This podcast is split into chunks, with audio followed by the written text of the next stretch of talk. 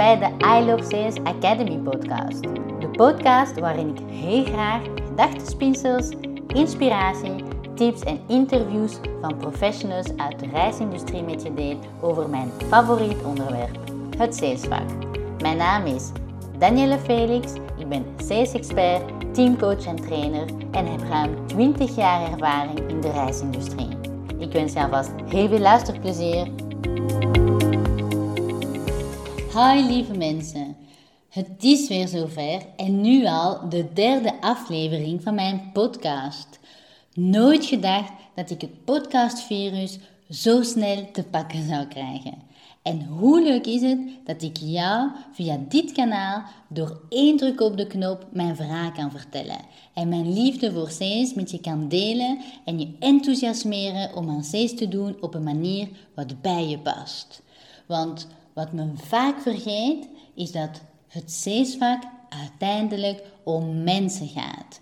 Is het je bijvoorbeeld eens opgevallen dat je als mens veel gemakkelijker iets van iemand koopt die je tof vindt. Of van iemand waarvan je het verhaal inspirerend vindt. Of iemand aan wie je eigenlijk de business echt gunt. Iemand die je bijvoorbeeld vertrouwt. En de vraag is dan, hoe zorg je voor die hoge gehalte van likability als persoon of als organisatie zonder jezelf anders voor te doen? Het sluit ontzettend mooi aan met wat ik in mijn laatste podcast aangaf. Want nog los van die positieve energie die je mag gaan uitstralen en de duidelijke boodschap over wat je doet, die jij mag delen, is er nog veel meer wat je kan doen om likable te worden. En om die vertrouwensband aan te scherpen tussen jou en je potentiële klant. Ik zou voor dit onderwerp alleen al een hele podcastserie op kunnen nemen. Zo boeiend vind ik het onderwerp aan zich al. Maar het eerste wat in me opkomt wanneer je met je likability aan de slag wilt of deze wil opkrikken in mijn ogen, is dat je er eigenlijk voor moet zorgen dat je waarmaakt wat je belooft en wat je uitspreekt. En het klinkt misschien vanzelfsprekend, maar in de praktijk gebeurt dat meer niet dan wel. Het goede nieuws is dat hier dus nog heel veel winst uit te halen valt. Maar in mijn ogen is het eigenlijk bizar hoe moeilijk het soms blijkt te zijn voor mensen en organisaties om waar te maken wat ze beloven of wat ze concreet afspreken. En om dat na te komen of proactief hierop terug te komen wanneer er iets tussen gekomen is. Soms denk ik echt van gemakzuchtigheid hangt in de lucht of zo. Terwijl wanneer je je afspraken nakomt, je onuitgesproken al aan de vertrouwensband werkt. Als je laat zien dat je het belangrijk vindt dat je levert wat er van je verwacht wordt, je al onbewust het vertrouwen aan het voeden bent. En dat kan al met de kleinste dingen zijn.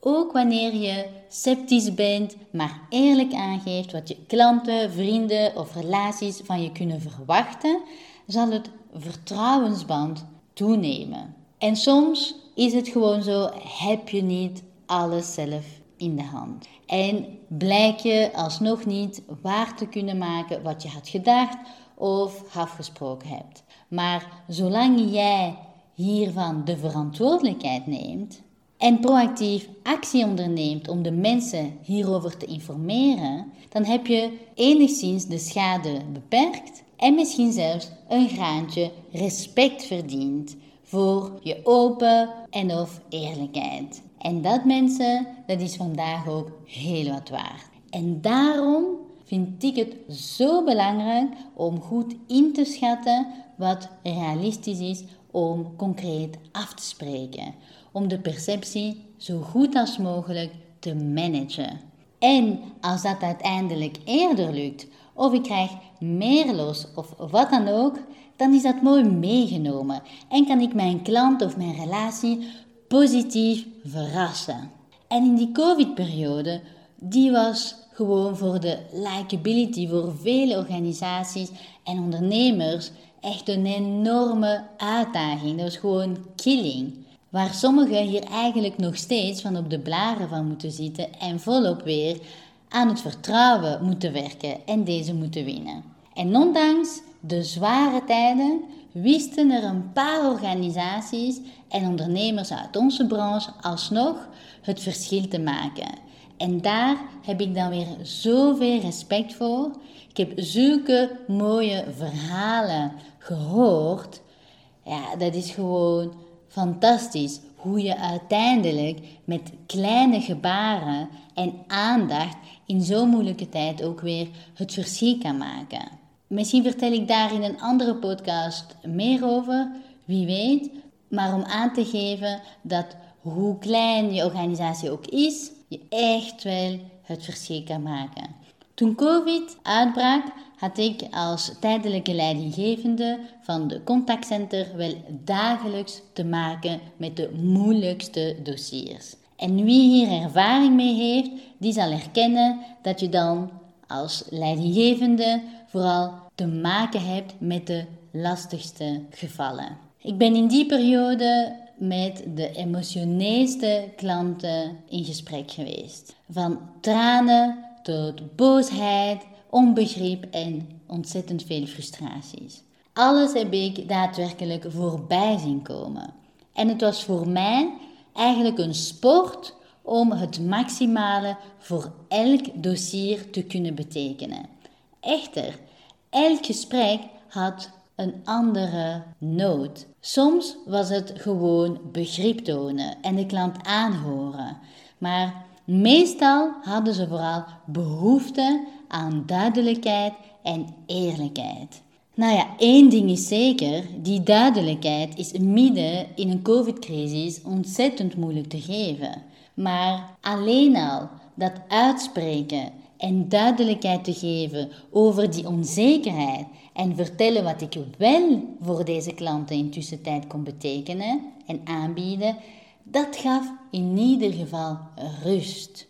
En er ontstond in 9 van de 10 gevallen begrip en respect voor elkaars situatie. En dat is al een ontzettend mooi resultaat als je bedenkt in welke staat ik toen die gesprekken startte. En wat je hieruit voor jezelf kan halen, is dat hoe moeilijk de situatie is of lijkt, hoe slecht de boodschap op dat moment ook kan klinken, dat je door open te zijn over de situatie en eerlijk aan te geven hoe het ervoor staat en hiermee de verwachtingen managen, je veel meer respect en uiteindelijk ook vertrouwen krijgt. Likability en vertrouwen winnen, dat kost het meeste tijd. En terwijl je dat in een paar seconden of acties in no time helemaal kapot kan maken. En vandaar dat goed voor je relaties en klanten zorgen een must is. Wil je op lange termijn een succesvolle organisatie of ondernemer zijn, dan is het ontzettend belangrijk dat jij aan die likability en aan die vertrouwen werkt. Dus ben jij bereid om kritisch naar je eigen aanpak te kijken en hiermee aan de slag te gaan? Kijk dan eens en vraag jezelf af hoe jij dat nu daadwerkelijk aanpakt. Waar ben je nog te gemakkelijk in? Hoe zou je meer duidelijk kunnen zijn of duidelijkheid kunnen bieden? Wat heb jij vandaag nodig om waar te maken wat je belooft? En kijk dan nog eens kritisch naar je eigen inschattingsvermogen en hoe je beter verwachtingen kan managen. Nou ja, ik zou nog uren kunnen doorkletsen over dit onderwerp, maar ik denk dat het voor vandaag voldoende stof tot nadenken is en dat je best wel wat mee kan en aan de slag kan. Dus ik zou zeggen, laat het allemaal even bezinken en uh, maak mooie stappen. Het was weer een plezier om met jullie dit te kunnen delen. Ik kijk alvast uit naar de volgende keer en voor nu alvast heel salesplezier. Bye bye. Dankjewel voor het luisteren. Als je deze aflevering interessant vond, Maak dan alsjeblieft even een screenshot en tag me op Instagram of in je stories of in je feed. Daarmee inspireer je anderen en ik vind het sowieso leuk om te zien wie er luistert. En als je graag één ding terug wil doen voor alle gratis content die ik geef en de tijd die ik erin steek, ga dan alsjeblieft naar iTunes, zoek de podcast op, scroll even naar beneden en laat een korte review achter. Hoe meer reviews, hoe beter de podcast gevonden wordt en hoe meer mensen met deze podcast geïnspireerd kunnen worden. Ontzettend veel dank alvast en tot de volgende keer!